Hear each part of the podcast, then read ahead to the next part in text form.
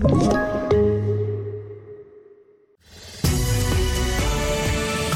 TV4-nyheterna börjar med att alldeles nyss höll Stefan Löfven pressträff om nya coronarestriktioner och inledde med att säga att läget är mycket allvarligt och att vi har med en pandemi och farlig sjukdom att göra.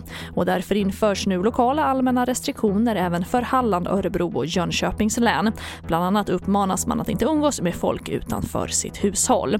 Och det kom också nya restriktioner för besök på barer och restauranger.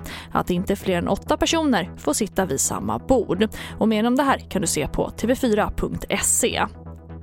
Och nu klockan 14 håller Folkhälsomyndigheten pressträff om coronaläget i Sverige och världen och även den kan du följa live på tv4.se.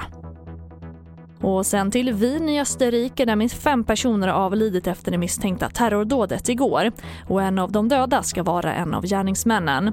Enligt polisen är minst en gärningsperson ännu på fri fot och allmänheten uppmanas att hålla sig borta från de centrala delarna av staden. Och vi avslutar med att berätta att det blir Amanda Chanels film Charter som är årets svenska Oscarsbidrag.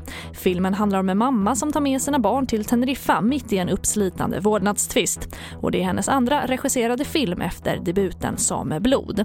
TV4-nyheterna, jag heter Charlotte Hemgren.